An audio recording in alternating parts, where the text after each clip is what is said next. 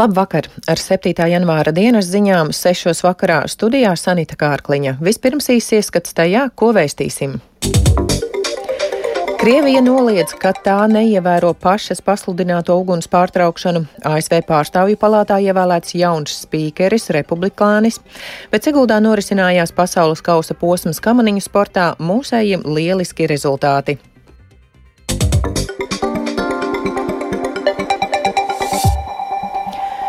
Ukrainas varas iestādes apgalvo, ka Krievija neievēro tās izsludināto uguns pārtraukšanu. Piektdien Bahmutā apšaudē nogalināti divi cilvēki, vēl 13 cietuši.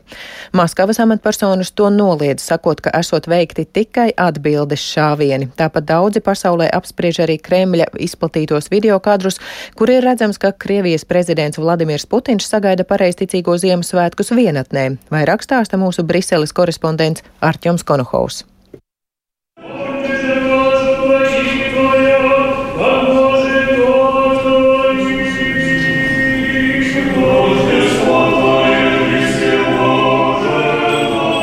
Pareizticīgie Krievijā un daudz vietā citur pasaulē šajā nedēļas nogalē svin Ziemassvētkus. Savu apsveikumu ticīgajiem ir izplatījis arī Krievijas prezidents Vladimirs Putins. Tomēr to pavadīja visai neparasti kadri. Putins piedalījās Ziemassvētku dievkalpojumā pilnīgā vienatnē Kremļa teritorijā esošajā baznīcā. Iepriekš Putins pārsvarā piedalījās Ziemassvētku dievkalpojumā kopā ar daudziem citiem cilvēkiem un ārpus Maskavas. Līdz ar to daudzi pievērs uzmanību tam, kā šoreiz Krievijas prezidents ir nolēmis palikt vienatnē Kremlī. Līdz sestdienas vakaram Maskava ir izsludinājusi arī tā dēvēto Ziemassvētku pamieru, jeb uguns pārtraukšanu. Tomēr Ukrainas varas iestādes saka, ka apšaudas turpinās. Donetskas apgabala Bahmutā piekdien ir nogalināti divi cilvēki un ievainoti 13. Kauju turpināšanos apliecina arī amerikāņu amatpersonas. Turklāt ASV Nacionālās drošības padomes runas vīrs Džons Kirbijs sacīja, ka Ukrainas austrumos norit ļoti sīvas kaujas. Tad ir jaunākajā Vašingtonas 3 miljārdu dolāru lielajā palīdzības paketē ir iekļauta militārā tehnika, kas var palīdzēt kaujās atklātās teritorijās Ukrainas austrumos. Lai nogādātu šīs sistēmas, būs nepieciešams zināms laiks. Es šobrīd nevaru precīzi to nosaukt. Tomēr mēs darīsim visu, lai to paveiktu pēc iespējas ātrāk. Turklāt šīs sistēmas neprasīs milzīgu Ukrainas personāla apmācību. Tās ir kaujas kaujas mašīnas, kas ir labi piemērotas kombinētām kaujām, bet tās nav tik sarežģītas, lai to lietošana un uzturēšana prasītu pārāk ilgu apmācības laiku. Jaunākā ASV militārās palīdzības pakete tiek dēvēta par rekordlielu. Ukrainas prezidents Volodimirs Zelenskis jau ir publiski izteicis pateicību savam ASV kolēģim Džo Baidenam un atzina, ka tas tiešām spēcinās Ukrainas armiju. Arcums Konahals Latvijas Rādio Briselē. Par jauno ASV pārstāvju palātas spīkeri ievēlēts republikānis Kevins Makartnīs. Lai panāktu šo rezultātu, bija nepieciešamas 15 balsošanas kārtas, kas ilga četras dienas. Viens no Makartnija kritiķiem, Skots Perijs no Pensilvānijas, sacīja, ka šoreiz viņš ir balsojis par, jo panākta vienošanās, ka ņems vērā ultrakonservatīvo pārstāvju viedokli. Šī vieta nedarbojas kā nākas un paļaujas uz status quo, kas nes labumu šai pilsētai, bet ne Amerikas iedzīvotājiem. Ik viens no mums ir apņēmies to mainīt, jo ir pienācis īstais brīdis. Mēs negrasījāmies atkāpties no savas nostājas, kamēr netiktu panāktas pārmaiņas. Tagad mums ir vienošanās ietvers, kas ļauj mums iet tālāk ar tīru sirdsapziņu, lai panāktu, ka šī vieta sāktu kalpot Amerikas iedzīvotājiem. Tik gara pārstāvju palātas spīkera ievēlēšana nav redzēta vairāk nekā simt gadu. Tā apliecina iekšējās nesaskaņas republikāņu partijā starp ultrakonservatīvajiem politiķiem, kuri atbalsta bijušo prezidentu Donaldu Trumpu un mērenāk noskaņotajiem biedriem. Tā stāsta Arķums Konohaus.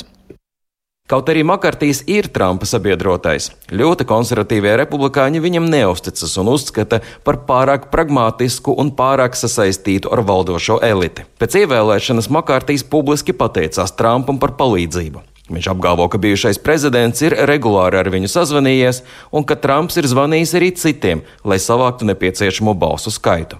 Iepriekš Trumps ir publiski dēvējis Makartīju par manu Kevinu. Tomēr daudzi paredz, ka Makartī valdīšana nebūs vienkārša, jo gandrīz katrā balsojumā liela vara piederēs dažiem pārstāvjiem, kuri varēs bloķēt procesus un nākt ar dažādām prasībām. Tikmēr Austrālijas rietumi piedzīvo pamatīgus plūdus, ko izraisīja spēcīgs lietus. Vairākās attālās pilsētiņās var būt atdalītas no ārpasaules vēl vairākas dienas. Glābšanas dienesti sacīja, ka šie ir traģiskākie plūdi, kādus rietuma Austrālijas štats jebkad piedzīvojis, stāstā Arķems Konohaus. Glābēji ar helikopteriem mēģina izcelt cilvēkus no apludinātā Kimberlīs reģiona Rietumā Austrālijā. Kaut arī spēcīgais lietus lielākoties ir beidzies, ūdens līmenis daudz viet turpina celties.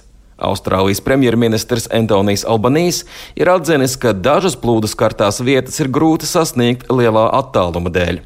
Kimberlīs reģions ir trīs reizes lielāks nekā Lielbritānija, tomēr tajā dzīvo tikai 40 tūkstoši cilvēku. Postošie plūdi pēdējā laikā ir vairāk kārt skāruši Austrāliju. Zinātnieki uzskata, ka līdz ar klimata pārmaiņām plūdu risks arvien pieaugs.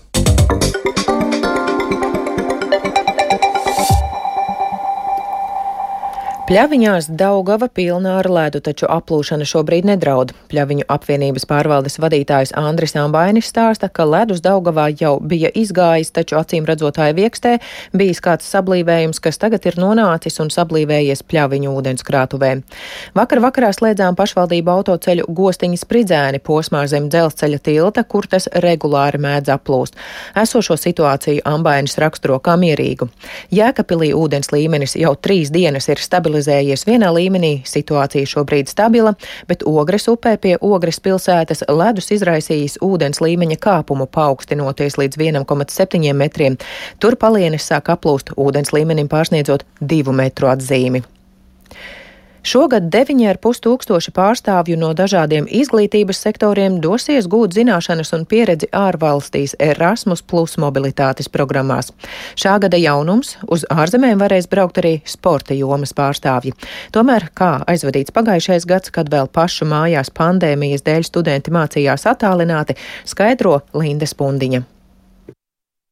Pagājušajā gadā Valsts izglītības attīstības aģentūra apstiprinājusi Erasmus Plus projektus skolu, profesionālās, pieaugušo un augstākās izglītības sektorā ar kopējo finansējumu vairāk nekā 26 miljonu eiro.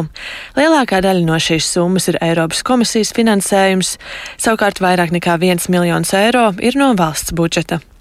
Valsts izglītības attīstības aģentūras Erasmus Plus programmas departamenta direktore Zana Gailīte stāsta, ka pagājušais gads bijis atgūšanās gads, jo pandēmijas ierobežojumi mobilitātes programmas pamatīgi ietekmēja. Un 2022. gads tiešām bija tāds tā kā uzrāviens šo mobilitāšu ziņā visās Erasmus programmas dalību valstīs un tika īstenotas vairākas mobilitātes, kuras bija atliktas no šiem pandēmijas gadiem, plus jaunās apstiprinātās. Protams, bija daļa mobilitāšu, kas tā arī palika neīstenotas, vai tās tika aizvietotas ar virtuālām.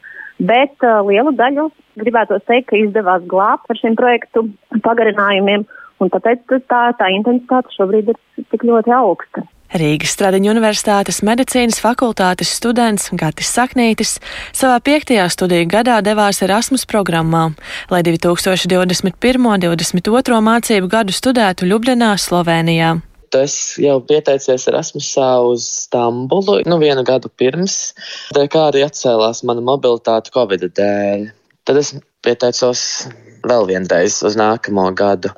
Un, jā, tiku uz Ljubljana, Sloveniju. Protams, ka jau nekur tur nepazuda, bet uh, pieņemsim lekcijas un nodarbības mums notika. Mums vienkārši vajadzēja visiem būt ar respiratoriem. Bet tādā ziņā, ka mums būtu online viss, Nu, kā Latvijā bija tajā laikā, kā es no kolēģiem dzirdēju, ka, nu, principā viss notika zūmā, man tikmēr viss notika klātienē. Arī Latvijas Universitātes mobilitātes nodaļas vadītājs Sintīna Matsuleviča norāda, ka iepriekšējie gadi bija pandēmijas izaicinājumi pilni, taču pērnu studentu interese par mācībām ārzemēs palielinājās. Pirmajā semestrī, jā, studenti bija bažīgāki, piesardzīgāki, domājot, vai atkal nebūs kārtējais uh, Covid vilnis un nebūs jāpārtrauc studijas, bet kopumā mēs esam uh, tajā pašā izbraucošo mobilitāšu skaitā kā pirms Covid. Līdz ar to studenti joprojām ir ieinteresēti doties studēt uz ārzemēm. Šobrīd viens no izaicinājumiem ir motivēt studentus doties projektā, jo tie, kuri paralēli studijām strādā, satraucas vai atgriežoties būs darbs. Taču programmas piedāvā arī finansiālu atbalstu, norāda Latvijas Universitātes pārstāve. Jāpiemina, ka šogad Erasmus programma piedāvā jaunumu. Mobilitātes programmām var pieteikties arī sporta jomā. Neprofesionālo un tautas sporta organizāciju treneru un sportisti varēs braukt pieredzes apmaiņā uz ārzemēm. Šogad visos izglītības sektoros kopā apstiprināti 224 mobilitātes projekti, kuros 9,5 tūkstoši pārstāvi no dažādiem izglītības sektoriem dosies gūt zināšanas un pieredzi ārvalstīs. Linda Spundiņa, Latvijas radio.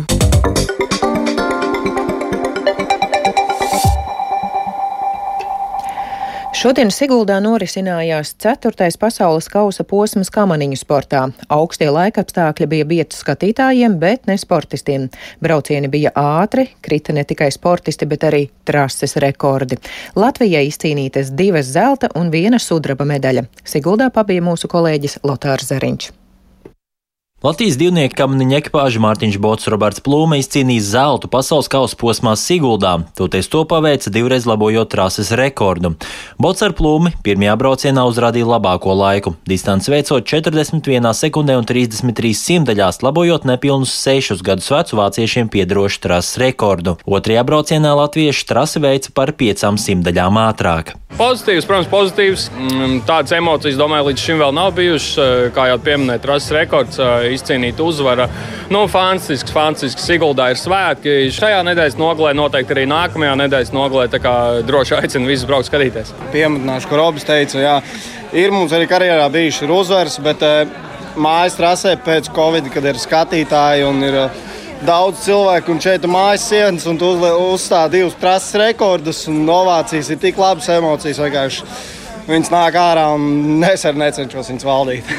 Tikmēr otra Latvijas ekipāža, Edvards Ševits, Mikls Ševits, Lukas Krasts, pirmo braucienu noslēdza piektajā vietā, bet otrajā palika tajā pašā. Pats starts neizdevās, baigi. Mums tieši gulšanās tā lielākā problēma, bet tā pa lielam nu, aizdījām salīdzinoši labs brauciens. Vienīgais tas, ka augšā īsti nesanāca. Un tā ir lieta, pie kā mums jāpiestrādā. Un, kad ja to izlabotu, varētu uz labāku rezultātu iet. Jā, noteikti var piekrist savam pārniekam. Trases augšdaļā pieļāvām kļūdas, otrajā braucienā izlabojām, izņemot startu. Nu, uz nākamo nedēļu ir vēl kur pielikt. Arī dāmas tika pie medaļām. Latvijas duets Anna Upīte Sanija Ozoliņa finišēja ar laiku 42 sekundēs un 43 simtaļās. Otrajā braucienā Latvijas arī finišēja pirmās un kaklā kāra zelta medaļas. Viens no mazajiem mērķiem ir sasniegts. Bija ļoti ātrs, protams, ir rezerve nākamajai nedēļai. Bija pieļauts kļūdas braucienu laikā, bet. Uh, labojamas kļūdas, jā. tiešām labojamas, un es domāju, ka uz nākamo nedēļu mēs izlabosim un rādīsim vēl labāk. Tikmēr dienas pirmajā pusē pusē Elīnija Vītola Siguldā ieguva pirmo medaļu mājas trasē. Vītola pirmo braucienu noslēdza dalītajā otrajā vietā, bet nākamajā braucienā ierindojās trešajā pozīcijā. Abu braucienu summā Latvija ieņēma otro vietu, izcīnot sudrabu. Jā, viss bija labi. Es nezinu, varbūt tāpēc, ka mājās, un es zināju, ka visi ģimene draugi atnākuši skatīties mani, un es biju, nu, es zināju, man treniņos labi gājums, man tikai jābrauc. Man liekas, interesantāks sacensības arī skatītājiem, jo tie siltie laikapstākļi tur vienam labāk slīd, vienam sliktāk slīd slīd, un tad jau tur tādas tās. Pirmā vieta vācietei Dajanai Eidbergerei, kura par deviņām simtaļām apsteidz Vītolu. Trešajā vietā arī Vācijas sportiste Julija Taubice. Taču labāko piecinieku noslēdza Sigita Bērziņa, kura pirmajā braucienā ierindojās sastajā vietā un to pašu pozīciju saglabāja arī otrajā braucienā, bet pēc amerikānietes iebraukšanas trases apmalē pakāpās uz piekto vietu. Pirmais brauciens man nebija tik labs, bija kļūdas aiz 14. Otrajā braucienā nedaudz palaboju, bet varēja, protams, būt labāks brauciens. Bet kopumā es esmu apmierināta ar visiem abiem diviem braucieniem. Trasa bija ļoti ātra, ļoti cieta un kā man bija ļoti nestabila. Nedrīkst būt liekas kustības, tu nedrīkst liek kustēties. Tev jāguļ, jāizdara viss darbības, kas ir paredzēts. Septītajā vietā sacensības noslēdza Kendija Aparjode, kura vakar nācija kausā ieņēma trešo pozīciju. Šodien pirmo braucienu Aparjode noslēdza astotajā vietā, bet nākamajā ierindojās vietu augstāk. Pēc starta kamaniņu braucēji atzina, ka šodien bija labākais ledus Siguldas trasē, kāds bijis. Liela mīnus, viņš ir ļoti, ļoti ciets un pie mazākās kustības tā kā man sāk uzziņas taisīt un tā nepaklausīgāk. Ja ir mīkstāks, tad to kamani vieglāk savaldīt un viņi ledu tā kā, nu tu neesi tā kā, liekas, ka tu brauc pa plasmasu. Tikmēr rītu starta dosies vīrieši un norisināsies komandu stafetes sacensības. Lotārs Zariņš, Latvijas radio. Svētdien Latvijā sals mazināsies, debesis būs apmākušās, vietām nedaudz sniks, kur zemē gaidāms sasalstošs lietus atkala, dienvidu vējš brāzmās 8,13 m2, naktī mīnus 5, mīnus 19 grādi, rītdienā plus 1, mīnus 4, austrumu novados līdz mīnus 10 grādiem.